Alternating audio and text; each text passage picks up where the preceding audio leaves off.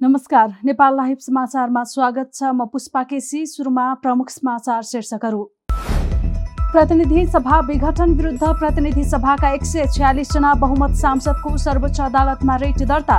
अन्तरिम आदेशबाटै संसद पुनर्स्थापना गर्न र निर्वाचनमा हुने खर्च रोक्न माग। कोरोनाका कारण स्थगित स्नातक तहका परीक्षा आगामी साउन महिनाभित्र सञ्चालन गर्ने त्रिभुवन विश्वविद्यालयको तयारी परीक्षा मोडेलका बारेमा अर्को सातासम्म निर्णय गरिने सेयर बजारमा झुम्ने लगानीकर्ता एकै दिन दुई रेकर्ड तेह्र अर्ब सत्र करोड त्रिपन्न लाख रुपियाँभन्दा बढीको कीर्तिमानी कारोबार नेप्से परिसूचक अठाइस सय तेइस दशमलव शून्य पाँच बिन्दुमा पुग्यो। पत्रकारलाई पक्राउ गर्न विमान बेलारुसतर्फ मोडिएको घटनाप्रति अमेरिकाको आक्रोश। युरोपेली देशद्वारा बेलारुसमाथि राज्य आतंकको आरोप बेलारुसको कदमको गम्भीर परिणाम हुने बेलायतको चेतावनी। र एसियन क्रिकेट काउन्सिलद्वारा एसिया कप क्रिकेट प्रतियोगिता आगामी दुई वर्षका लागि स्थगित। कोरोना महामारी र अन्तर्राष्ट्रिय क्रिकेटको व्यस्त तालिका मुख्य कारण। अब समाचार विस्तारमा। प्रधानमन्त्री केपी शर्मा ओलीको सिफारिसमा राष्ट्रपति विद्यादेवी भण्डारीले शुक्रबार मध्यरातमा गरेको प्रतिनिधि सभा विघटन विरुद्ध प्रतिनिधि सभाका बहुमत सांसदहरूले सोमबार सर्वोच्च अदालतमा रिट दर्ता गरेका छन्। नेपाली कंग्रेस नेकपा माओवादी केन्द्र नेकपा एमाले माधव नेपाल पक्ष जनता समाजवादी पार्टी उपेन्द्र यादव पक्ष र राष्ट्रिय जनमोर्चाका नेताहरूले सोमबार रिट दायर गरेका हुन्। रिटमा जेठ सात गते मध्यराति बसेको मन्त्री परिषदको सिफारिसमा राष्ट्रपति विद्यादेवी भण्डारीले गरेको संसद विघटनको निर्णय खारेजीको माग गरिएको छ। यस्तै संविधानको धारा छिहत्तरको उपधारा पाँच अनुसार सरकार गठनको आह्वान हुँदा एक सय उनपचासजना सांसद सहित प्रधानमन्त्रीमा दावी पेश गरेका शेरबहादुर देउवालाई प्रधानमन्त्रीमा नियुक्त गर्न परमादेशको माग समेत गरिएको छ। विपक्षी गठबन्धनका एक सय छ्यालिस सांसदको हस्ताक्षर सहित दायर गरिएको रिट निवेदनमा मुख्य रूपमा पाँचवटा माग दावी गरिएको छ। रिट निवेदनमा संसद विघटन बदरदेखि विपक्षी गठबन्धनका तर्फबाट शेरबहादुर देउबालाई प्रधानमन्त्री नियुक्त गराउने आदेश जारी गराइपाउ भन्नेसम्मका माग दावी समेटिएको छ।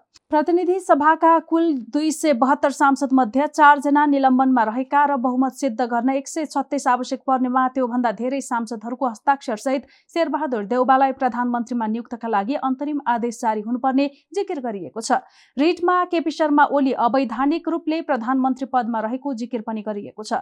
संविधानको धारा छिहत्तर चार अनुसार विश्वासको मत लिन नसक्ने भएकाले मार्ग प्रशस्त गर्दै उपधारा पाँच अनुसारको सरकार गठनको प्रक्रियाका लागि बाटो खुला गरेको तर्क प्रधानमन्त्रीले सार्वजनिक रूपमा गरेको र राष्ट्रपति भण्डारीले पनि सरकार गठनको आह्वान गर्दा यही शब्द विज्ञप्तिमा उल्लेख गरेकाले उनी असंवैधानिक रूपमा प्रधानमन्त्रीमा कायम रहेको जिकिर रिटमा गरिएको छ। Culture.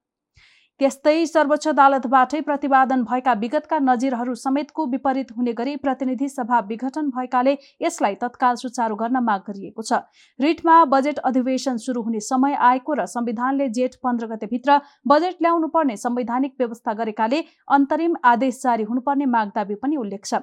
निर्वाचनमा हुने तयारी खर्च लगायत अन्य कार्यहरू रोक्न तत्काल अन्तरिम आदेश जारी हुनुपर्ने माग रिटमा गरिएको छ। निर्वाचन आयोगले मतपेटिका खरिद लगायत निर्वाचन निर्वाचनको तयारी सम्बन्धी कार्य सुरु गरेको छ।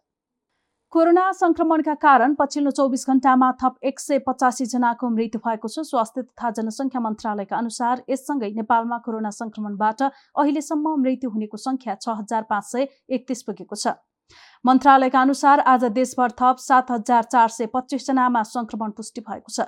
विभिन्न प्रयोगशालामा गरी उन्नाइस हजार आठ सय छ्यालिसजनाको पिसिआर विधिबाट नमुना परीक्षणका क्रममा सात हजार दुई सय बिसजनामा संक्रमण पुष्टि भएको हो। यस्तै विभिन्न ठाउँमा छ सय सातजनाको एन्टिजेन परीक्षणबाट दुई सय पाँचजनामा संक्रमण पुष्टि भएको छ। सोमबार थपिएका सहित कोरोना संक्रमितको संख्या पाँच लाख बिस हजार चार सय एकसठी पुगेको छ।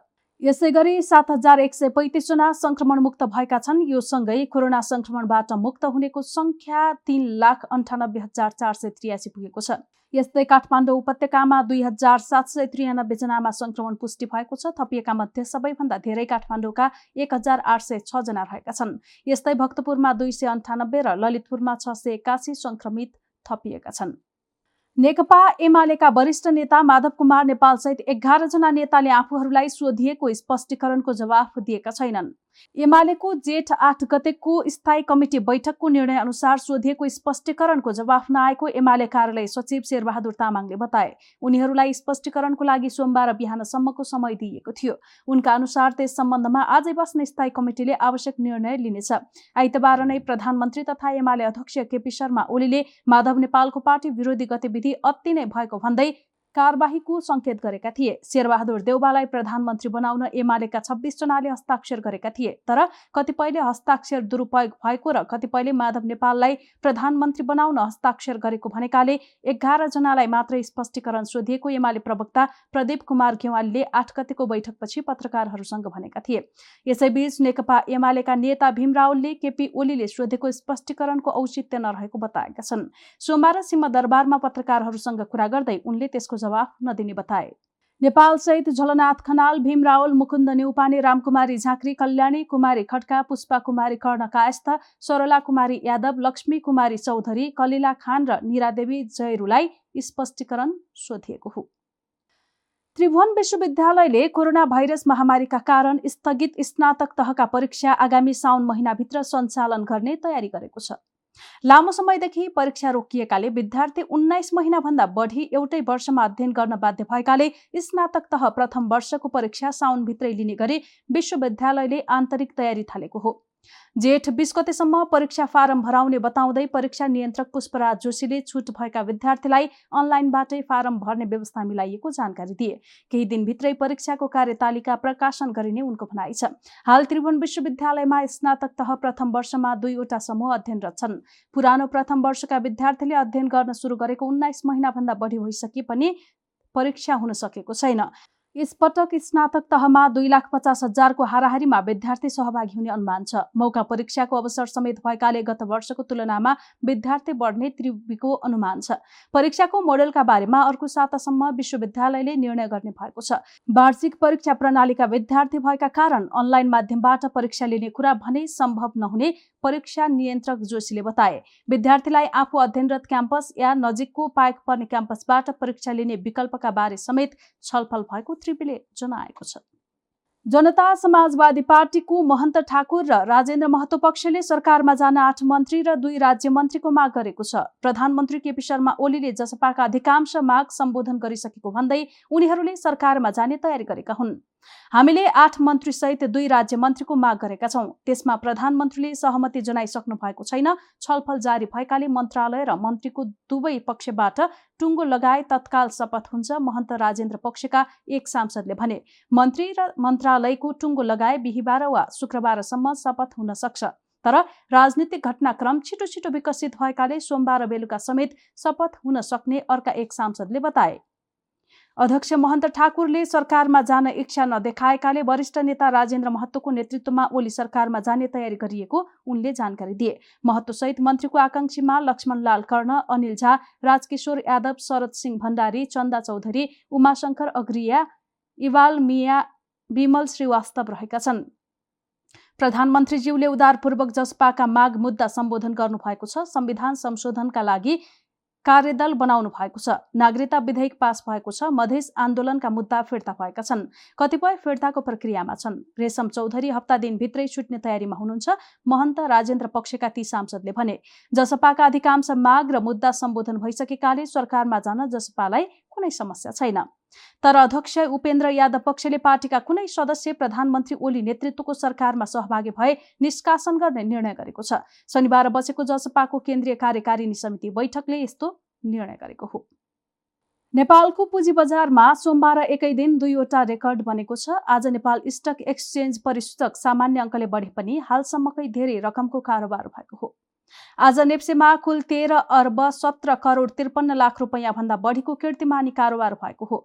यसअघि जेठ पाँच गते बुधबार एघार अर्ब पन्चानब्बे करोड अस्सी लाख रुपियाँको कारोबार हुँदा रेकर्ड बनेको थियो। साथै आज नेप्से परिसूचक तीन दशमलव शून्य पाँच अङ्कले बढेर अठाइस सय तेइस दशमलव शून्य पाँच बिन्दुमा पुग्दा नयाँ रेकर्ड बनेको छ। आइतबार नेप्से अठाइस सय बिस दशमलव शून्य शून्य बिन्दुमा पुग्दा बनेको रेकर्ड आज तोडिएको हो। नेप्सेमा आज दुई सय सोह्रवटा कम्पनीका दुई करोड एकहत्तर लाख चालिस हजार दुई सय बिस किता सेयर एक लाख छत्तिस हजार चार सय उनान्सय पटक खरिद बिक्री भएका थिए। आज वरुण हाइड्रो पावरका लगानीकर्ताले सबैभन्दा धेरै प्रति किता नौ दशमलव नौ पाँच प्रतिशतका दरले कमाएका छन्। एक्सल डेभलपमेन्ट ब्याङ्कका लगानीकर्ताले सबैभन्दा बढी प्रति किता चार दशमलव चार सात प्रतिशतका दरले गुमाएका छन्। आज hydro electricity investment and development कम्पनीका सेयर सबैभन्दा धेरै एक अर्ब छब्बिस करोड उन्नाइस लाख रुपियाँ बराबरको कारोबार भएको छ। आज banking hydropower investment mutual fund र निर्जीवन बिमा समूहको परिसूचक उकालो लाग्दा बाँकी समूहमा गिरावट आएको छ। हामी नेपाल लाइभ समाचारमा छौँ। अब अन्तर्राष्ट्रिय समाचार।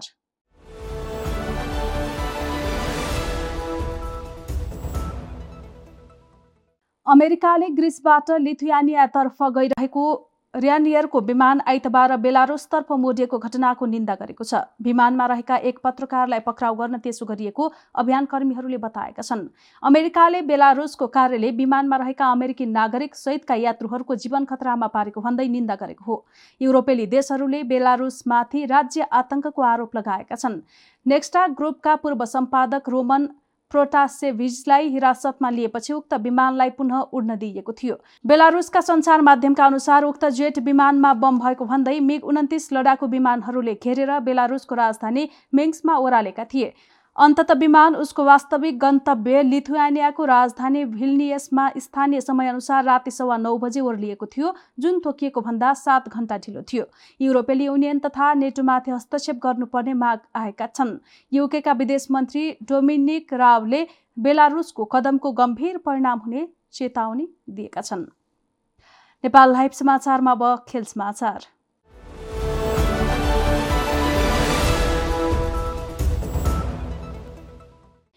एसियन क्रिकेट काउन्सिलले एसिया कप क्रिकेट सन् दुई हजार तेइससम्मका लागि स्थगित गरेको छ। कोरोना महामारी र अन्तर्राष्ट्रिय क्रिकेटको व्यस्त तालिकाका कारण आगामी दुई वर्षका लागि प्रतियोगिता स्थगित गरिएको एसिसीले जनाएको छ। काउन्सिलले जारी गरेको विज्ञप्तिमा भनिएको छ सबै ठुला चार एसियाई देशको यस वर्षको अन्त्यसम्म व्यस्त तालिका छ। यसका साथै एसिसीको बैठकले कोरोनाका कारण प्रतियोगिता सारिएको हो। यो वर्षको अन्त्यमा टी ट्वेन्टी विश्वकप आयोजना हुँदैछ यस्तै एसिएज श्रृङ्खला र एक दिवसीय विश्वकप पनि हुने तालिका छ। सन् दुई हजार अठारदेखि एसिया कप हुन सकेको छैन। यो प्रतियोगिता दुई हजार बिसमा सारिएको थियो। यद्यपि कोरोना महामारीले गर्दा एसिया कप दुई हजार एक्काइससम्मका लागि स्थगित गरिएको थियो। यस वर्षको प्रतियोगिता पाकिस्तानबाट श्रीलङ्का सारिएको थियो। श्रीलङ्कामा कोरोना महामारी उच्च रहेको छ। यो बीचमा विभिन्न देशहरूसँग छलफल गरे पनि उपयुक्त समय नमिलेका कारण दुई हजार तेइससम्मका लागि स्थगित गरिएको बताइएको छ। नेपाल लाइभ समाचार सकिएको छ। समाचारको अन्त्यमा प्रमुख समाचारका शीर्षकहरू फेरि एकपटक प्रतिनिधि सभा विघटन विरुद्ध प्रतिनिधि सभाका एक सय छ्यालिसजना बहुमत सांसदको सर्वोच्च अदालतमा रेट दर्ता। अन्तरिम आदेशबाटै संसद पुनर्स्थापना गर्न र निर्वाचनमा हुने खर्च रोक्न माग। कोरोनाका कारण स्थगित स्नातक तहका परीक्षा आगामी साउन महिनाभित्र सञ्चालन गर्ने त्रिभुवन विश्वविद्यालयको तयारी। परीक्षा मोडेलका बारेमा अर्को सातासम्म निर्णय गरिने सेयर बजारमा झुम्बिए लगानीकर्ता एकै दिन दुई रेकर्ड तेह्र अर्ब सत्र करोड त्रिपन्न लाख रुपियाँभन्दा बढीको कीर्तिमानी कारोबार नेप्से परिसूचक अठाइस सय तेइस दशमलव शून्य पाँच बिन्दुमा पुग्यो। पत्रकारलाई पक्राउ गर्न विमान बेलारुसतर्फ मोडिएको घटनाप्रति अमेरिकाको आक्रोश। युरोपेली देशद्वारा बेलारुसमाथि राज्य आतंकको आरोप बेलारुसको कदमको गम्भीर परिणाम हुने बेलायतको चेतावनी। र एसियन क्रिकेट काउन्सिलद्वारा एसिया कप क्रिकेट प्रतियोगिता आगामी दुई वर्षका लागि स्थगित। कोरोना महामारी र अन्तर्राष्ट्रिय क्रिकेटको व्यस्त तालिका मुख्य कारण। नेपाल लाइभ समाचार आज यति नै। यसपछि नेपाल लाइभमा सर्टकट खबर हेर्न सक्नुहुनेछ। यस्तै हाम्रा कार्यक्रम Nepal लाइभको Facebook page YouTube channel Twitter र हाम्रो वेबसाइट नेपाल लाइभ डट कममा पढ्न र हेर्न सक्नुहुनेछ। नमस्कार।